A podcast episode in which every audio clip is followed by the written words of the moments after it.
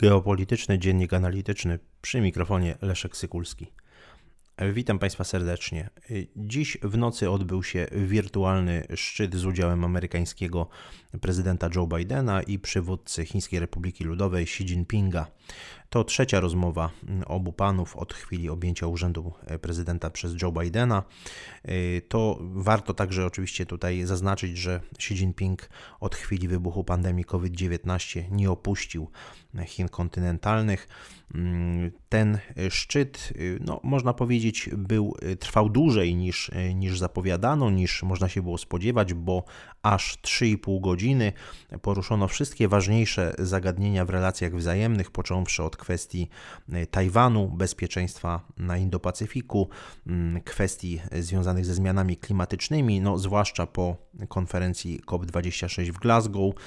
Poruszono także kwestie wymiany handlowej, różnego rodzaju kwestii spornych, jeśli chodzi o sprawy handlowe.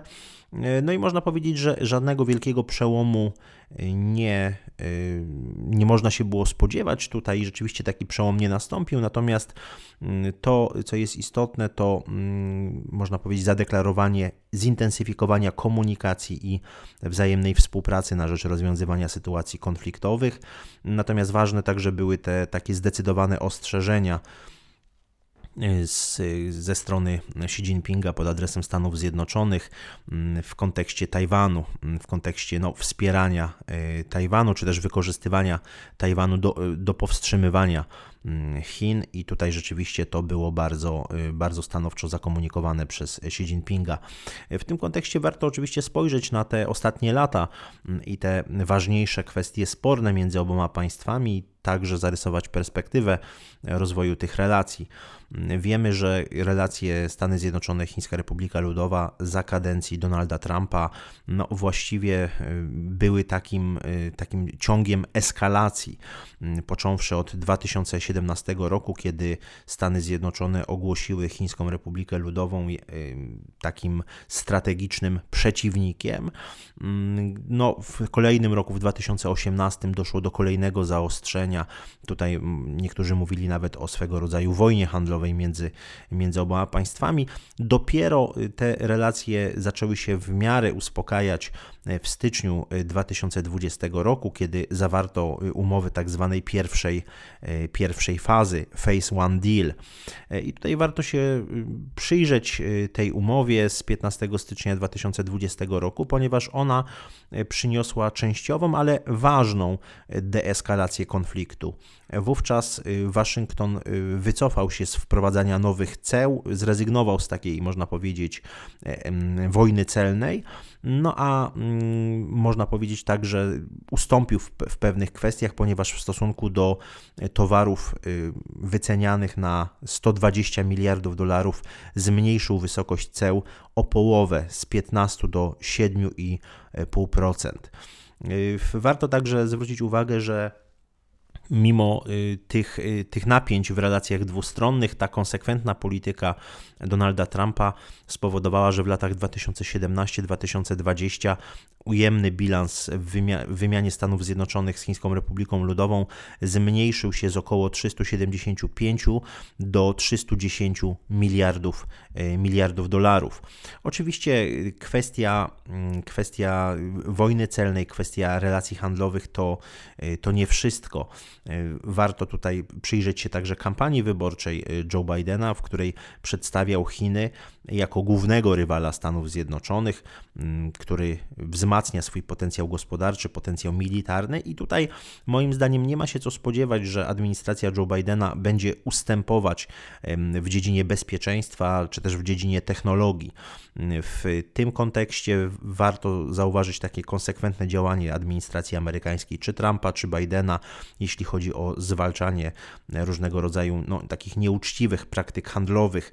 Chodzi o mm, naruszanie praw własności intelektualnej przez, przez Pekin, czy też różnego rodzaju subsydia dla, dla, własnego, dla własnego handlu. W tym kontekście myślę, że mm, jednak administracja Bidena mm, będzie starała się jednak utrzymać tę umowę, o której wspomniałem, umowę tak zwanej pierwszej fazy i związane z nią, z nią cła. Myślę, że mm, możemy się także spodziewać w najbliższym czasie dalszych ograniczeń dostępu do amerykańskich technologii dla chińskich firm.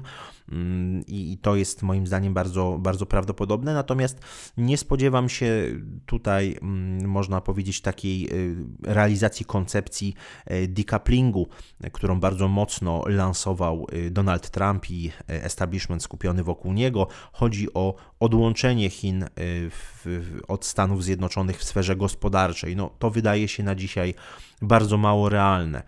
Te powiązania, nie tylko zresztą Stanów Zjednoczonych, ale także partnerów amerykańskich e, z Chinami jednak są bardzo, e, bardzo duże, biorąc pod uwagę jednak wspólne cele, bo o nich trzeba także powiedzieć, y, ta koncepcja decouplingu, odłączenia USA od Chin w sferze gospodarczej wydaje się, tak jak powiedziałem, mało realna w najbliższym, w najbliższym czasie.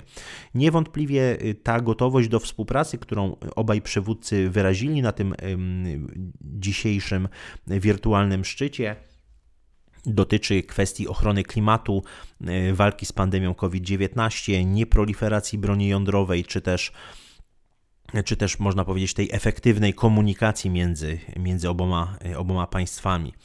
W tym kontekście geopolitycznym no, warto zauważyć, że administracja Bidena dąży bardzo mocno do wzmocnienia mm, nie tylko relacji y, y, takich euroatlantyckich, ale także transatlantyckich y, i wzmocnienia sojuszy Stanów Zjednoczonych w regionie Indo-Pacyfiku. I to zarówno tych tradycyjnych, no weźmy tutaj pod uwagę Australię, Koreę Południową czy Japonię, ale także tych dopiero kształtujących się, wzmacniających się, jak chociażby te, ten sojusz z Indiami czy z Wietnamem. Myślę, że formuła Quad Plus będzie, będzie właśnie taką formułą, mm, w której w, najbliższym, w najbliższych latach będzie się rozwijać polityka, e, polityka zagraniczna i polityka bezpieczeństwa Stanów Zjednoczonych e, w regionie Indo-Pacyfiku. Myślę, że prawdopodobne jest, e, prawdopodobne są bardzo te dążenia Stanów Zjednoczonych do stworzenia czegoś na wzór azjatyckiego NATO właśnie na bazie AUKUS sformułowanego takiego sojuszu nieformalnego 15 września tego roku. E, no i pogłębiania współpracy w ramach Quad. Widzieliśmy pod koniec września mm, ten szczyt przywódców e, e, właśnie Quadów w Waszyngtonie, pierwszy zresztą w, historii. I myślę, że w, tym duchu będzie, będą szły zabiegi amerykańskie. Bardzo mocno zresztą Amerykanie są zaniepokojeni mm, sformowaniem recept, czyli tego Regional Comprehensive Economic Partnership, regionalnego kompleksowego partnerstwa gospodarczego z 15 listopada 2020 roku, największej w historii y, świata strefy wolnego handlu, która powstała z inicjatywy Chin. No i wśród tych 15 państw, które sformułowały, sformowały recept y, liczący no ponad 2 miliardy 200 milionów mieszkańców, są także sojusznicy Stanów Zjednoczonych, jak chociażby Australia, Korea Południowa czy Japonia, nie licząc e, tutaj 10 państw ASEAN. To pokazuje, e, z jakim rozmachem Chińczycy prowadzą swoją politykę e, gospodarczą, swoją politykę zagraniczną, politykę bezpieczeństwa i niewątpliwie w tym zakresie Stany Zjednoczone będą starały się tutaj bardzo mocno temu przeciwdziałać, mimo tych, można powiedzieć, takich takich e, słów dotyczących chęci współpracy i, e, i, i, komunikacji.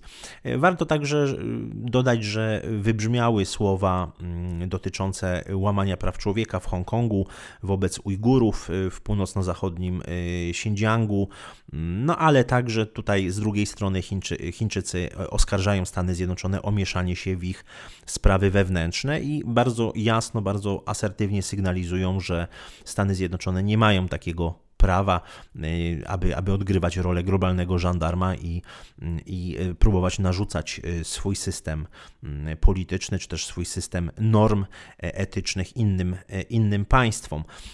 Myślę, że warto także wspomnieć o kwestii Tajwanu, tutaj e, nie, nie, nieco szerzej. Gdyby doszło do jakiegoś większego konfliktu zbrojnego w innej części świata, czy to na Bliskim Wschodzie, czy na przykład w Europie Wschodniej, Wschodniej, no niewątpliwie tutaj mm, Amerykanie się obawiają takiej sytuacji, że dałoby to asumpt Chińczykom do Chińczykom kontynentalnym do, mm, jeśli nie zajęcia samego Tajwanu, to części jego, jego terytorium w postaci jakichś mniejszych wysp wokół samego Tajwanu. To oczywiście mogłoby zrodzić groźbę eskalacji, ponieważ Tajwan dysponuje rakietami średniego zasięgu, no mającymi zasięg od 1000 do 3000 km, które mogłyby razić, no, można powiedzieć, takie wrażliwe cele w Chinach kontynentalnych, jak chociażby y, tamę trzech przełomów.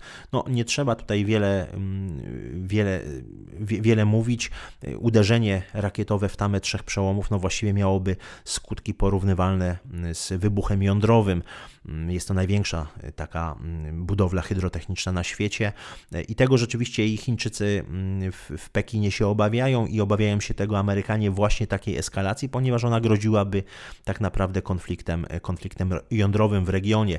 Natomiast jakiś większy konflikt w innej części świata, no niewątpliwie stwarzałby takie możliwości eskalowania konfliktu, y, znacznie większej swobody eskalowania przez, y, przez Pekin. I myślę, że kwestia y, tej szczególnej roli komunikacji i zwiększenia powiedziałbym, częstotliwości także mm, w komunikowaniu się we współpracy na linii Pekin-Waszyngton jest właśnie prowadzona w tym kierunku, aby uniknąć groźby eskalowania, eskalowania tego konfliktu. Dziękuję Państwu za uwagę.